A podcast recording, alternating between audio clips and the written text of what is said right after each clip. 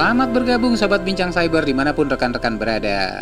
Peristiwa kejadian data breach yang terjadi belakangan ini rupanya menjadi uh, fokus pembahasan uh, banyak pemerhati cyber security. Tapi kita tidak akan membahas uh, tentang data breach hari ini, uh, tapi lebih kepada bagaimana perusahaan-perusahaan uh, yang mengalami insiden tersebut merespon serangan-serangan yang diterima.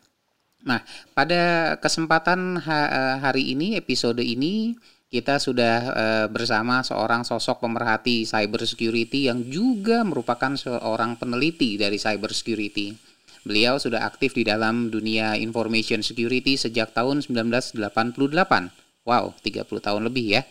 Nah, uh, beliau fokus selama 30 tahun ini kepada area seputar cyber war, cybercrime, dan juga cyber security. Tidak hanya itu, beliau aktif juga sebagai dosen dan praktisi yang tidak hanya di kalangan profesional tapi juga cukup dikenal di kalangan pemerintahan. Nah, sedikit membahas tentang background beliau. Uh, beliau uh, aktif di Laboratorium Network and Security di Perbanas Institute dari sejak tahun 2015 sampai dengan saat ini. Kemudian beliau juga founder dari Indonesia Academic CSIRT atau singkat AKAT CSIRT dan IDCRT dari tahun 2008 hingga 2012. Beliau adalah tenaga ahli COC, Cyber Defense, Pusdatin Kemenhan, eh, Kem, Kemhan dari tahun 2016 hingga 2019. Beliau juga tenaga ahli Governance CSIRT dari Direktorat Keamanan Informasi Kemkom, Kemkom Info di 2012 hingga 2016. Uh, eh, ada lagi beliau juga tenaga ahli dan juga asesor dari BNSP, uh, Computer Security dan LSP Informatika Aptikom dari tahun 2015 hingga sekarang dan yang terakhir beliau juga merupakan tenaga ahli dari Cyber Security Akad CSIRT dan BSSN dari tahun 2018 dan 2019. Mari kita sambut bersama di studio Bapak IGN Mantra.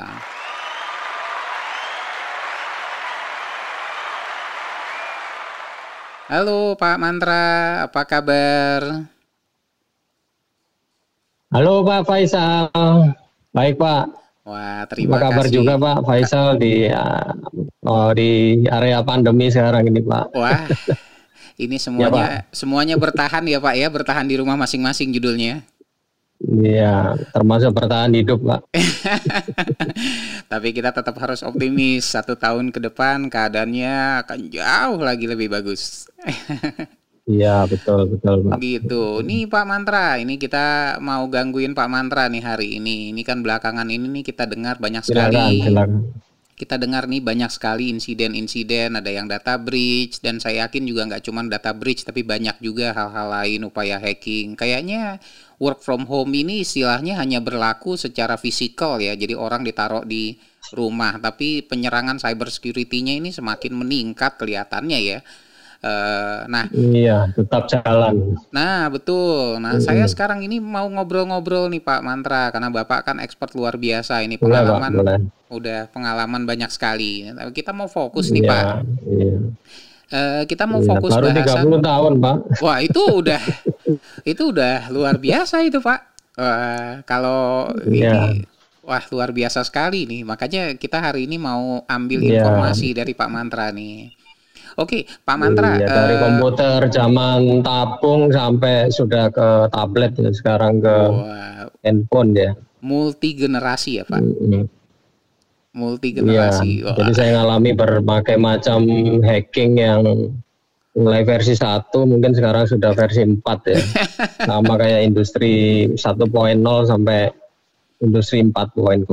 Waduh, luar biasa. Nah, makanya nggak salah nih Pak kalau yeah. hari ini kita minta pandangan Pak Mantra. Pak, eh, saya mau minta yeah. arahan Bapak ini. Eh, kalau kita lihat kan ada kejadian banyak yeah. sekali, tapi fokus kita mungkin nggak bukan spesifik oh. tentang penyerangannya. Tapi saya ingin minta arahan iya. Bapak yeah. nih. Mungkin teman-teman pendengar sobat bincang cyber hari ini yang uh, stay tune juga uh, apa ingin tahu kira-kira organisasi itu merespon setiap kali serangan atau mungkin istilahnya apa ya insiden handling mungkin pak ya kalau kita boleh fokus insiden handling yeah. itu kira-kira mm. uh, yeah. Kenapa ya pak ya? Uh, perlu nggak sih kira-kira insiden handling itu ada untuk di setiap organisasi menurut pak Mantra? Silakan pak. Iya. Jadi gini Pak Faisal ya. Kalau melihat sekarang ini kan eranya digital information ya atau informasi sebagai aset gitu ya. Nah, masalahnya aset itu kan ada yang tangible asset, ada yang intangible asset. Nah, kalau tangible asset sudah pasti orang akan mempertahankan di dalam organisasi akan kelihatan secara fisikal ya. Contoh infrastruktur, data center, ya, kemudian komputer, termasuk manusia itu kan tangible asset karena bisa dihitung nilainya berapa, Ya, kalau kita kehilangan laptop katakanlah 15 juta, berarti tangible asset kita adalah 15 juta yang loss. Ya.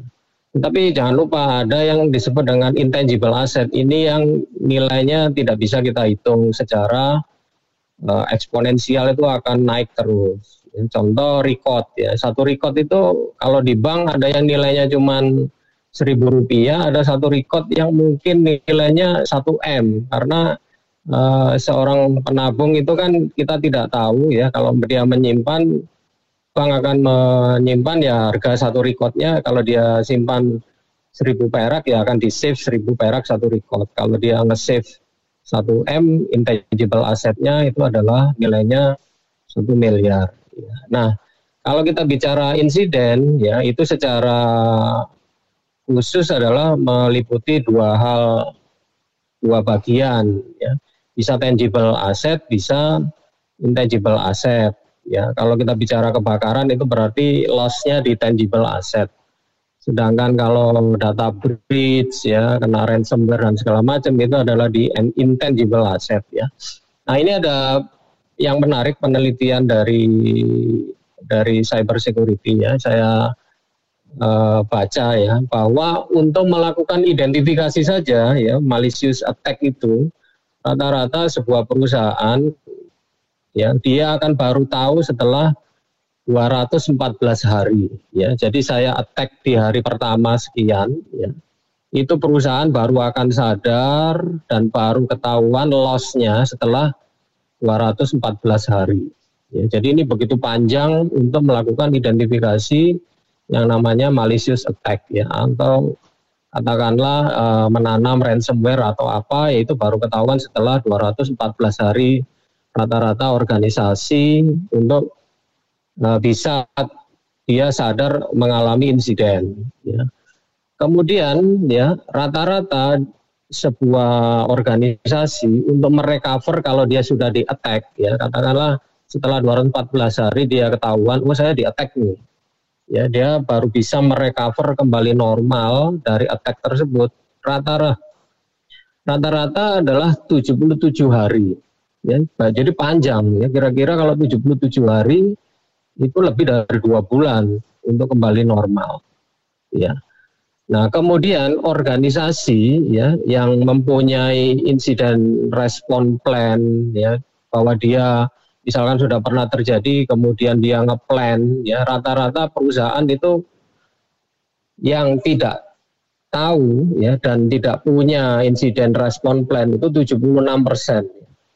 Jadi kalau bisa kita lihat ya, katakanlah yang siap kalau terjadi insiden attack itu hanya 24 persen organisasi yang siap secara teknologi untuk mengamankan intangible asetnya.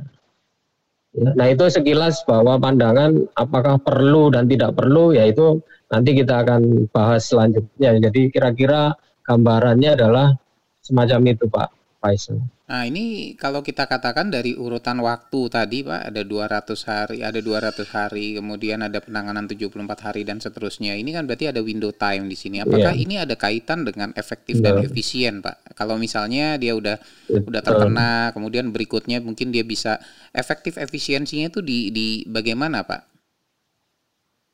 Ya, jadi kalau bicara insiden handling ya sama insiden respon kita bicara misalkan rata-rata uh, ya yang besar adalah kita kan masalah cost savingnya lah. Ya, jadi kalau kita punya plan berarti cost saving kita menjadi lebih kecil dibandingkan kita tidak punya plan kemudian terjadi insiden itu akan besar untuk mengalokasikan biaya terhadap terjadinya insiden ya. Nah di sini juga saya kutip ya bahwa rata-rata biaya yang dikeluarkan untuk mentraining uh, employee ya supaya dia paham untuk menangani insiden itu kira-kira sekitar 9,3 US dollar. Ya rata-rata satu orang. Jadi rata-rata 9,3 US dollar itu dikeluarkan oleh perusahaan. Ya sebenarnya nggak terlalu besar ya sedikit lah kecil. Nah itu untuk menjaga terjadinya kalau ada insiden eh, SDM-nya sudah siap ya nah kemudian rata-rata untuk bisa menghemat ya biaya insiden respon tim itu kalau kita hitung per recordnya ya bahwa perusahaan itu bisa menghemat sekitar 14 US dollar per record. Ya jadi katakanlah uh, sebuah bank misalkan terjadi insiden ya penanganannya handlingnya katakanlah besar-besaran bisa sampai 1 M ya. Nah kalau dia bisa ada plannya duluan punya insiden respon timnya nah itu dia bisa menghemat. Ya kalau dia punya 1000 record ya tinggal kita hitung aja 14 kali 1000 record kira-kira 14.000 US dollar dia bisa menghemat kalau terjadi insiden. Nah, perlu dan tidak perlunya ya nanti kita akan lihat se seberapa perlu dan seberapa tidak perlu ya. Katakanlah uh, buat apa karena kami jarang mengalami insiden nanti kita akan lihat lah seperti apa uh, insiden tersebut. Kira-kira gitu Pak Faisal. Nah, kalau hmm. uh, ya kita belum sampai ke sana uh, kepentingan, tapi kalau uh, hmm. menyimak sekarang keadaan-keadaan yang berkembang nih belakangan ini, cyber security juga semakin hmm. dinamis, serangan semakin banyak dan tentunya kan perusahaan-perusahaan butuh persiapan paling tidak. Kalau misalnya ya saya yakin kalau yeah. ditanya semua perlu pasti perlu lah barangkali, cuman mungkin tinggal seberapa besar yeah. effort yang mau diberikan. Uh, persiapan ya. Bagaimana dia persiapan yang perlu dilakukan terkait dengan hal ini, Pak? Ya, jadi perusahaan ada yang sama sekali dia belum pernah mengalami insiden security. Ya, jadi catatannya bahwa perusahaan itu kan macam-macam ya.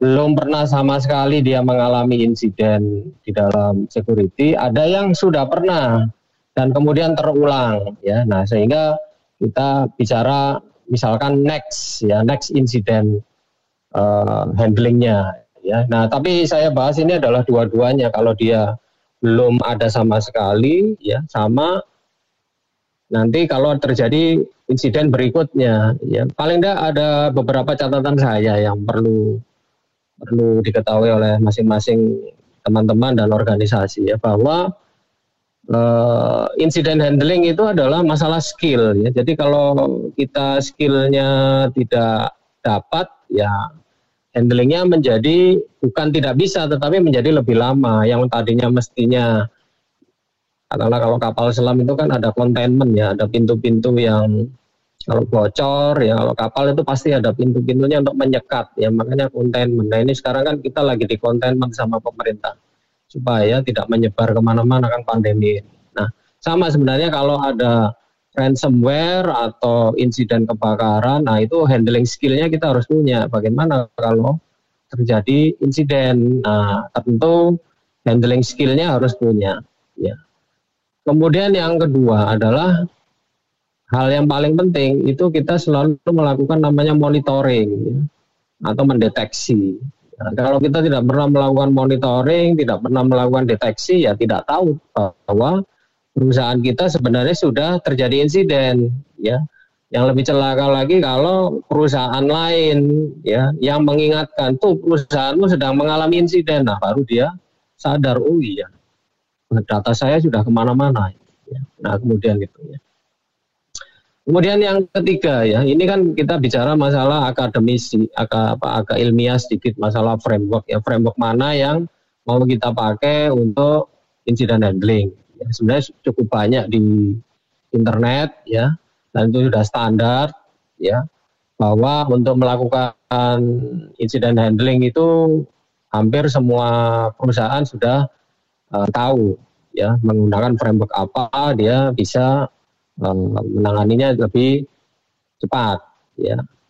Nah, kemudian yang keempat adalah metode ya. Metode bagaimana kita ngedrive si insiden ini yang disebut dengan insiden handling.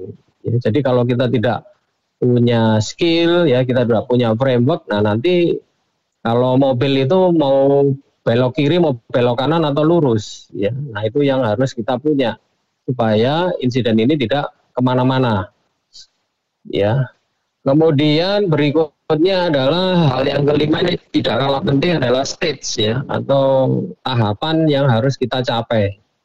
Ya nanti saya akan jelaskan insiden itu macam-macam ya. Nah tetapi ada tahapan yang harus kita capai untuk uh, handling terhadap insiden ya. Misalkan planningnya preparationnya ya prosesnya ya sampai containment dan macam-macam ya. Kemudian berikutnya adalah bahwa kita tidak bisa handling insiden itu sendirian ya. Pasti harus tim ya. Katakanlah uh, rumah rumah kita ya. Rumah kita itu aman tetapi tetangga kita tidak aman ya.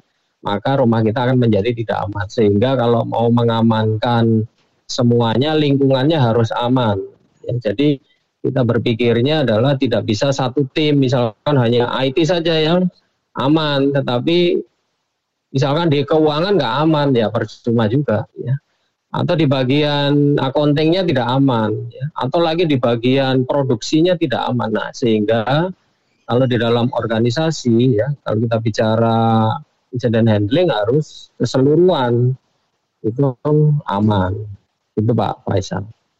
Uh, kalau tadi yang Bapak jelaskan cukup menarik, tapi satu yang saya coba uh, ambil di sini, ini sepertinya ada beberapa berbagai macam jenis insiden, Pak ya, mungkin dari security insiden tadi. Yeah. Itu jenis-jenisnya apa aja, hmm. Pak, secara umum, Pak?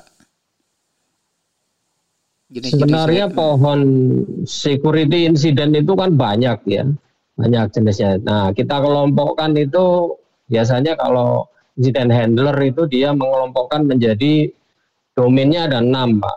Ya jadi satu. Misalkan domainnya kita kelompokkan sebagai malware incident. Ya ini jangan salah pertumbuhannya rata-rata itu setiap hari adalah 270 persen pak. Ya malware ya. Jadi malware itu setiap hari dia naik 270 persen ya. Kalau jadi hari ini saya uh, menemukan malware itu satu besok itu sebenarnya sudah menjadi 270 jenis malware. Ya, makanya disebut dengan targeted business attack. Ya bahwa kalau perusahaan kita menjadi target attack oleh si hacker nah dikirimin malware itu menjadi malware insiden. Ya itu yang pertama ya. Yang kedua adalah yang paling sering itu email security incident ya. Nah ini catatannya bahwa 9 ya dari 10 uh, eh, email itu mengalami infeksi. Ya, artinya kita terima 100 email, 90 email itu kebanyakan sudah diinfeksi oleh orang lain ya atau pihak lain ya sehingga bisa juga itu yang disebut dengan spam atau juga bisa disebut dengan ransomware via email ya atau juga scam ya banyak sekali. Jadi email security incident itu satu pulau sendiri ya. Kemudian pulau yang lain domainnya adalah network security incident. Ya. Nah, network security incident ini menarik ya, kira-kira lebih dari 20% ya. Kalau menurut catatan saya di sini ada 21,2 persen ya device itu di attack sama um, si hackernya. Ya. Nah, itu yang disebut dikategorikan sebagai network security incident ya. Jadi dalam empat bulan aja sudah kira-kira pertumbuhan network security incident itu sudah 43,7 persen. Ya, nah kemudian domain yang lain adalah yang cukup banyak web application security. Ya, ini yang disebut di uh, kita incident handler menyebutnya web application security incident. ya. Nah rata-rata ini juga celaka ada 3,6 persen website yang di attack orang setiap hari pak. Ya termasuk device, termasuk SQL injection, ya, nah macam-macam. Ya kemudian yang domain kelima adalah kebanyakan di cloud, ya cloud security incident. Jadi kalau kita naruh data di cloud ya seperti data bridge kemarin, ya itu bisa aja diambil ambil dari cloud karena mungkin saja cloudnya menjadi tidak aman karena ini yang disebut dikategorikan cloud security incident ya. Nah, menurut catatan di sini ya bahwa ada 681 juta ya cyber attack ya, yang ditujukan untuk cloud ya, security incident. Jadi cukup besar sekali karena sekarang kan eranya cloud system ya. Ya dan jangan lupa yang domain terakhir itu adalah insider trade, Pak. Nah ini yang kadang-kadang miris juga karena karyawan yang kita gaji pun itu bisa menyebabkan uh, security incident ya yang disebut dengan insider trade ya. Nah ini juga mengalami pertumbuhan ya.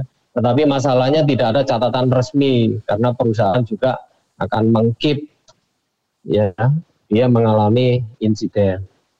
Okay. Kira-kira seperti itu, Pak. Nah, ini uh, banyak sekali, Pak. Ini domainnya uh, ada enam domain tadi yang Bapak sebutkan ya. Uh, kemudian terakhir tadi yeah. ada iya. insider threat yeah. sendiri.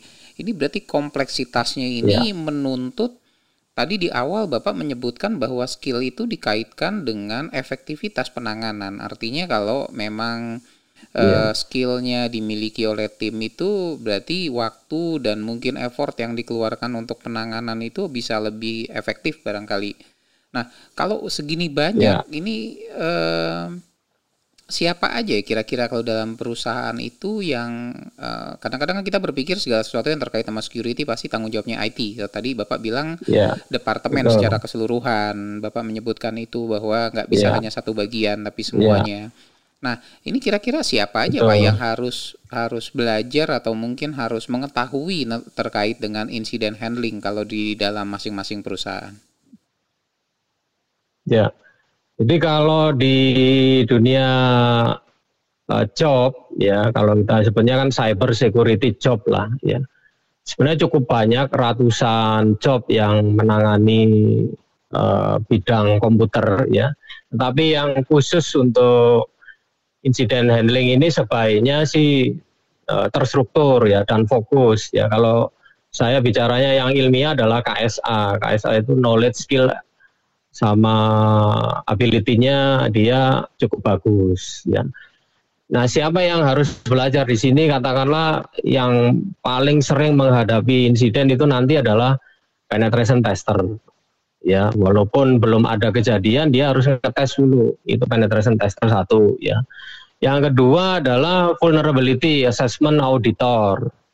Ya, jadi kalau si perusahaan mengundang untuk dilihat bolong-bolongnya, dia akan mengundang namanya auditor khusus untuk vulnerability assessment.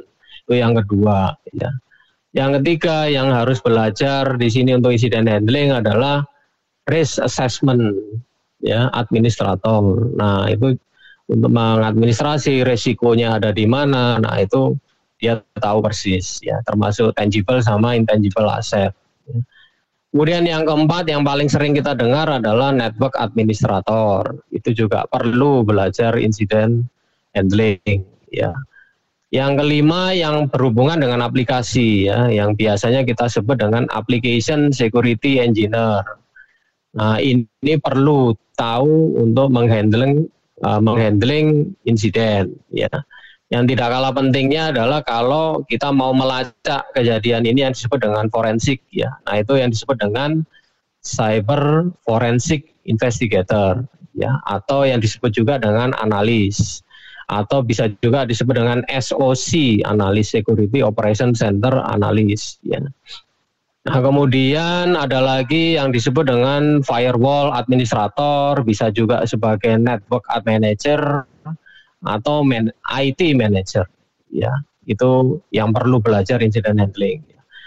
Dan biasanya secara keseluruhan ini dihandle oleh orang yang disebut dengan sistem administrator. ya atau kalau kita menyebutnya adalah IT engineer.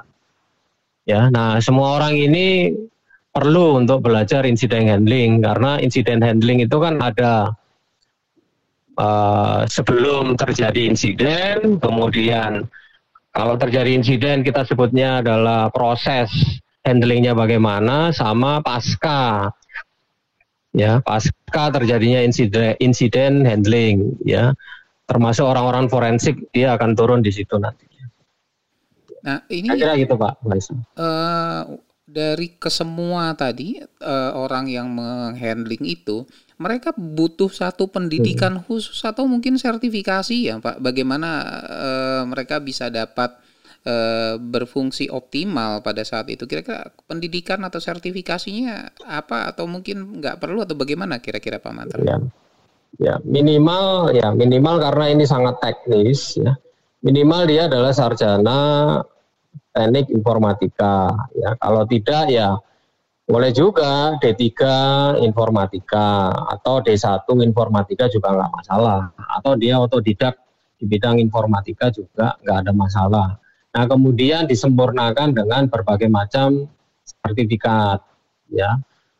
Uh, banyak sekali sih di dunia ini yang membicarakan insiden handling sertifikat ya. Contoh ya kalau di yang paling sering di banyak diambil oleh orang adalah uh, isi konsel ya. Isi konsel insiden insiden handling investigator ya.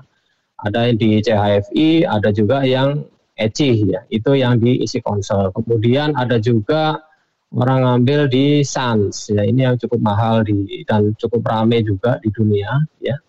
Itu SANS Group ya. Kalau kalau tadi di isi konsel namanya ECIH ya kalau di SANS itu namanya uh, Ciaksan ya GCIH nanti bisa dicari sendiri di internet ya. Kemudian ada lagi yang beberapa kampus juga mengeluarkan contohnya di Carnegie Mellon itu juga mengeluarkan information security untuk sertifikat incident handling.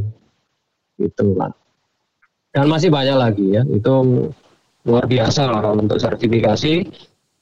Nah itu untuk menambah skill dan uh, apa ya kalau di perusahaan biasanya anda ahli apa? Nah ini sertifikatnya bisa dipakai sebagai bukti bahwa dia menguasai hal tersebut. Itu Pak Mas. Oke. Okay. Uh, eh, kalau tadi kita kaitkan uh, efektivitas dengan skill, kemudian tadi Bapak mention ada banyak sekali uh, courses atau mungkin sertifikasi yang bisa diambil oleh si uh, kandidat atau orang yang ingin uh, belajar lebih jauh. Kalau saya merurut ke dalamnya lagi lebih dalam lagi dari sertifikasi itu secara umum atau mungkin pelatihan-pelatihan training di sana, yeah. kira apa yang mereka ya. pelajari yeah. di dalam uh, pendidikan atau sertifikasi itu Pak Mantra? Ya, sebenarnya banyak ya. Kalau saya mengumpulkan, saya kira ada 10 lah yang harus dipelajari oleh si uh, calon untuk bisa menghandling insiden ya. Jadi dia pertama dia harus tahu yang namanya framework. Ya, framework itu diajarkan di dalam kelas bagaimana dia menangani insiden, pakai framework apa itu nanti dia akan tahu. Ya. Kemudian yang kedua adalah masalah compliance ya. Jadi tidak mungkin framework itu nggak ada compliance Dia harus mencapai kalau frameworknya diajarkan kira-kira ada 9 step, nah dia harus mencapai comply sampai 9 step. Ya nggak bisa saya belajar hanya tiga karena nggak achieve itu sampai ya, 9 ya. Jadi dia harus mengikuti apa yang ada di kelas. Kalau 9 ya 9 ya itu untuk pencapaiannya dia di frameworknya ya. Yang ketiga adalah kemampuan dia untuk melakukan analisis ya. Karena insiden handling itu tidak cukup dengan memonitor terus kemudian kita capture, nah tapi tidak mampu untuk menganalisis ya. Karena kan itu ada ribuan attack atau mungkin juga jutaan attack yang kita capture ya. ya. Kalau mendengar BSSN itu setiap hari dia menangani attack ya di IDCRT itu ya itu empat bulan pertama saja mulai Januari sampai April ini itu kira-kira sudah ada 88 juta attack. Nah, ini kalau dia tidak menganalisis ya, itu kan ada yang sampah, ada yang sangat emas gitu yang kita kelompokkan nanti ya. Kemudian yang keempat dia harus fokus untuk menangani insiden ini bagaimana ya. Nah, jadi yang pertama kali biasanya adalah respon insiden dulu ya, baru ada proses di situ baru kemudian kita melakukan insiden handlingnya ya untuk bisa menangani hal tersebut ya. Kemudian yang kelima adalah kita harus mampu untuk mengembangkan ya, mengembangkan hal-hal yang sudah diberikan di kelas tadi gimana sih menganalisis kemudian skillnya dikembangkan. Ya, kemudian yang keenam adalah nah, kita mempunyai naluri dan kita mempunyai skill ya sampai ke forensik ya. Jadi kalau insiden ini kan adalah bagaimana kalau rumah terbakar ya harus cepat dipadamkan ya. Nah, kalau forensik ini kan pasca rumah kebakaran siapa nih yang membakar atau atau kenapa konslet kah atau dibakar orang kah atau kena kompor dan segala macam itu ilmu forensiknya akan jalan setelah uh, dia menangani insiden ya Kemudian hal yang ketujuh dia harus melatih banyak sekali program-program, ada tools, ada apa. Nah itu dia harus hands on. Tidak cukup dengan baca, dia harus berlatih untuk menangani insiden itu bagaimana berkelompok, ya tidak bisa sendirian, ya. Nah peralatan network itu banyak sekali, peralatan web banyak sekali. Nah ini luar biasa, ya. Kemudian hal yang kedelapan kita juga harus punya namanya lab environment, ya jadi kalau di organisasi itu paling tidak ada lab yang dipakai untuk um, tes um, apa namanya tools ya. Kemudian ada bagaimana kita melakukan simulasi kalau terjadi insiden ya sampai real time ya. Terjadinya insiden itu kita harus tahu ya. Kemudian yang kesembilan adalah kalau terjadi masalah dengan pelanggaran hukum terus bagaimana? itu tidak boleh ditangani sendiri. Kita harus laporan ke pemerintah ya dalam hal ini ke BSSN, ID Security atau ke kepolisian dalam hal ini kalau itu berhubungan dengan kriminal ya, cybercrime. Ya.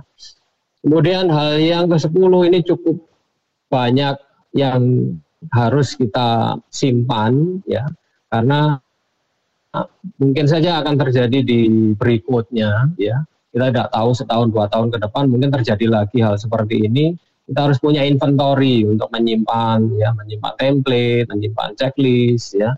Kemudian kita menyimpan cheat sheet ya dan ada beberapa SOP yang harus kita uh, tangani di situ. Itu yang bisa saya sampaikan Pak Faisal. Wah banyak Pak ya komponennya luar biasa. Nah, kalau tadi kita kita ngomongin dari sisi uh, human resourcesnya hmm. Pak, dari sisi skillnya. Nah kalau yeah. saya sekarang mau beralih Pak ke sisi perusahaan Pak. Uh, yeah. kita kan uh, sering dengar nih istilah apa CIRT, kemudian ada CSIRT hmm. gitu. Nah, ini yeah, kalau yeah. kita lihat uh, definitifnya Pak, definisinya Pak, ini dalam sisi organisasi. Ya. Itu kira-kira apa ya Pak ya. Mantra ya? Jadi gini ya, ini negara kita juga terlambat ya, baru dibentuk itu bunyinya itu tahun 2004 ya, karena ada masalah waktu itu di KPU ya, hampir semua partai itu diganti oleh si hackernya nama-nama partai itu tidak semestinya ganti nama buah ya.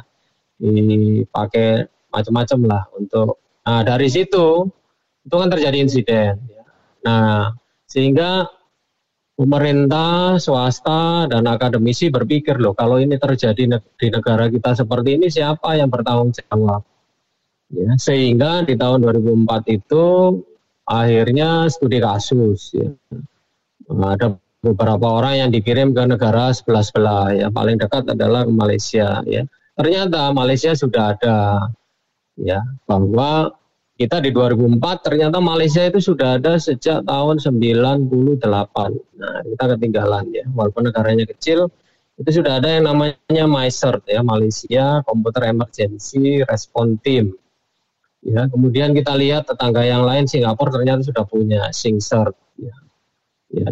Beberapa tahun kemudian kita lihat, oh ternyata Thailand juga sudah punya, ya Vietnam juga sudah punya sehingga akhirnya kita melihat negara lain yang lebih besar, Amerika, Korea juga sudah punya Korea CERT, US ya sampai Eropa juga sudah punya ya. Jadi ternyata setiap negara ini punya emergency dan respon tim ya khusus di bidang komputer ya. Makanya disebut dengan CERT ya, CERT atau uh, lebih besar lagi namanya CSIRT sama aja sebenarnya Computer Emergency Response Team sama CSIRT ya. Computer Security Incident Response Team ya. Kalau kita bicara CERT itu negara-negara ya. Kemudian kalau CSIRT kebanyakan sih organisasi yang di bawah negara ya, katakanlah Kemhan CSIRT-nya atau Kominfo, GovCert ya Capsisertnya, kemudian Telkom dan lain-lain. Ya, jadi negara harus punya dulu yang disebut dengan CERT atau CSERT, ya. Baru kemudian turunannya di negara ini ada sektornya, ya. Kalau di Amerika kan ada 13 sektor yang dilindungi ya, yang disebut dengan critical infrastructure. Ya. Nah, di Indonesia itu baru 10 ya yang saya ingat. Ya. Misalkan telekomunikasi, energi, ya kesehatan itu dilindungi termasuk uh, critical infrastructure itu dimiliki oleh dipantau dimonitor oleh CERT ini ya. Kalau di Indonesia namanya ID Sirti. Nah kemudian setiap organisasi banking punya sendiri bank CERT nama banknya apa ya. Kemudian tel telekomunikasi telekomunikasi punya CERT sendiri ya. Energi punya CERT sendiri. Ya. Militer punya CERT sendiri ya pertahanan punya sisa sendiri. Jadi kalau diurut-urutkan kira-kira ada sepuluhan ya di Indonesia itu yang domain sisar masing-masing organisasi. Nah kemudian apakah swasta boleh? Ya boleh saja. Itu kan untuk dirinya sendiri ya. Nah saya pernah ke Jepang itu Toshiba dia punya sisar sendiri, IBM punya sisar sendiri. Ya, Uh, kemudian Jepang juga punya GP Cert itu untuk wilayah negara ya. Tapi untuk organisasinya mereka punya sendiri-sendiri ya.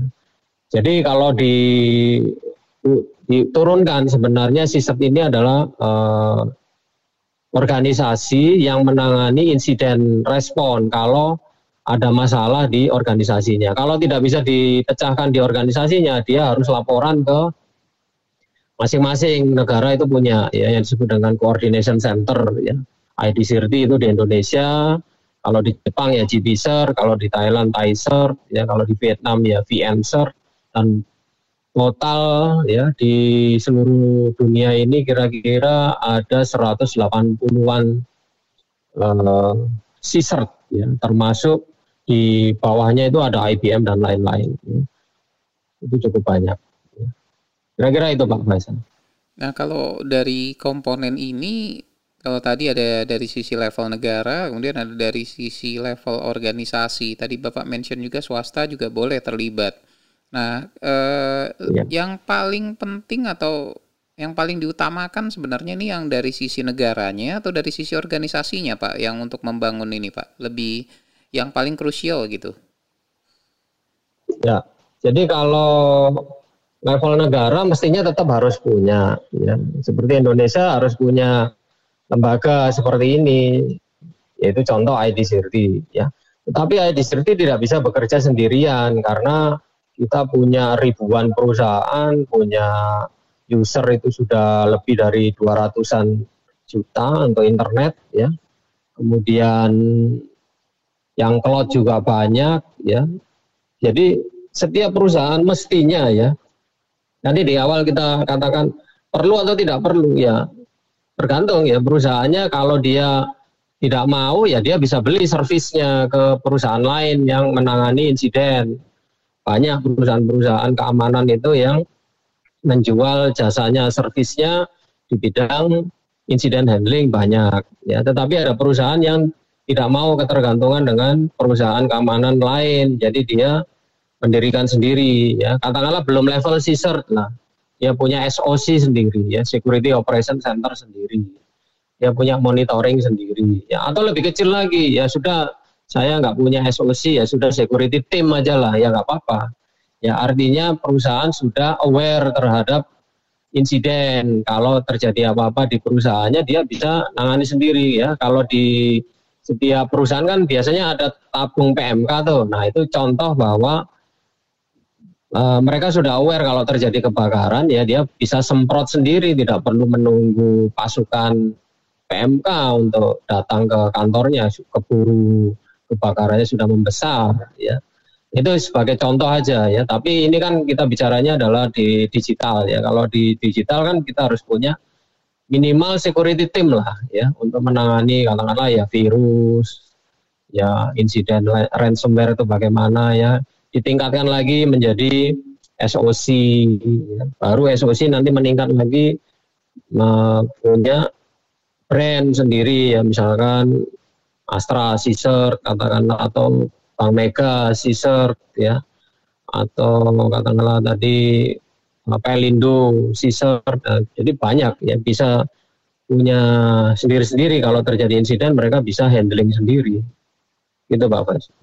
Uh, kalau tadi mereka bisa handling sendiri, nah kemudian mereka mesti membangun biaya effortnya sendiri tuh gimana ya Pak Mantra? E, barangkali ada kisaran atau mungkin e, feedback mungkin Pak terkait kalau mereka mau secara independen organisasi ini secara independen apakah dia dia dia swasta ya dia mau bangun tuh kira-kira ya. biaya effortnya bagaimana Pak Mantra? Ya, yang perlu dicermati adalah masalah orang dulu ya. Kalau kita bicara IT itu kan people, process dan teknologi. Jadi P3 ini kan semuanya harus dilengkapi. Jadi minimal kita harus punya people dulu. Ya. People-nya ada nggak orang yang mau ngurus di security team? Ya, katakanlah sudah ada. Ya, berarti kita ke ya hal yang kedua yaitu teknologinya ya. Teknologinya mereka punya apa? Katakanlah laptop tools dan lain-lain. Nah itu dilengkapi ya. Baru kemudian prosesnya ya. Kita sekolahin mereka trainingkan mereka sampai tahu lah untuk nangani insiden itu bagaimana. Nah jadi people proses teknologi itu yang paling minimal. Nah kemudian baru kita buat security team. Baru kemudian SOC ya. Nah gambaran kisaran untuk security team, security team kan melekat ke orang ya, teknologi ke laptopnya, proses bisa kita lihat. Nah, yang agak besar adalah nanti di SOC-nya karena dia harus memonitor. Ya. Monitor katakanlah punya uh, monitoring tiga tiga monitor ya punya orang berapa. Nah itu bisa kita hitung budget satu tahun berapa ya. Ya kisaran saya sih antara 1 sampai 2 m lah untuk membentuk SOC kecil. Itu operasional satu tahun ya. Baru ditingkatkan untuk sisat ya. Tinggal kita bisa hitung aja. Semakin besar kebutuhan alat orang ya sama prosesnya ya semakin besar biayanya kan. Tetapi ini tidak berbanding lurus ya. Karena kita invest IT itu kan tidak seperti uh, tangible ya kan IT itu kan intangible ya kalau kita investasi sekarang satu dua m itu bisa dipakai untuk bertahun-tahun gitu tidak seperti kita beli laptop 15 juta harus kembali 15 juta dalam waktu satu bulan kan nggak mungkin seperti itu ya. jadi kita harus hitung itu untuk masa depan gitu Pak Blas. Manfaatnya itu tetap masih bisa dirasakan dalam kurun-kurun waktu ke depan gitu ya Pak Mantra ya. Iya betul, paling tidak tiga tahun ke depan itu kita aman dari gangguan berbagai macam insiden ini ya. Tadi kira-kira saya kelompokkan kan ada enam ya. Mm-hmm. Paling tidak kita enam insiden ini kita sudah aman untuk tiga tahun ke depan. Mm-hmm. Oke, jadi ada istilahnya fokus dari timnya sendiri sudah ada ke enam domain yang tadi Pak ya? Ya betul.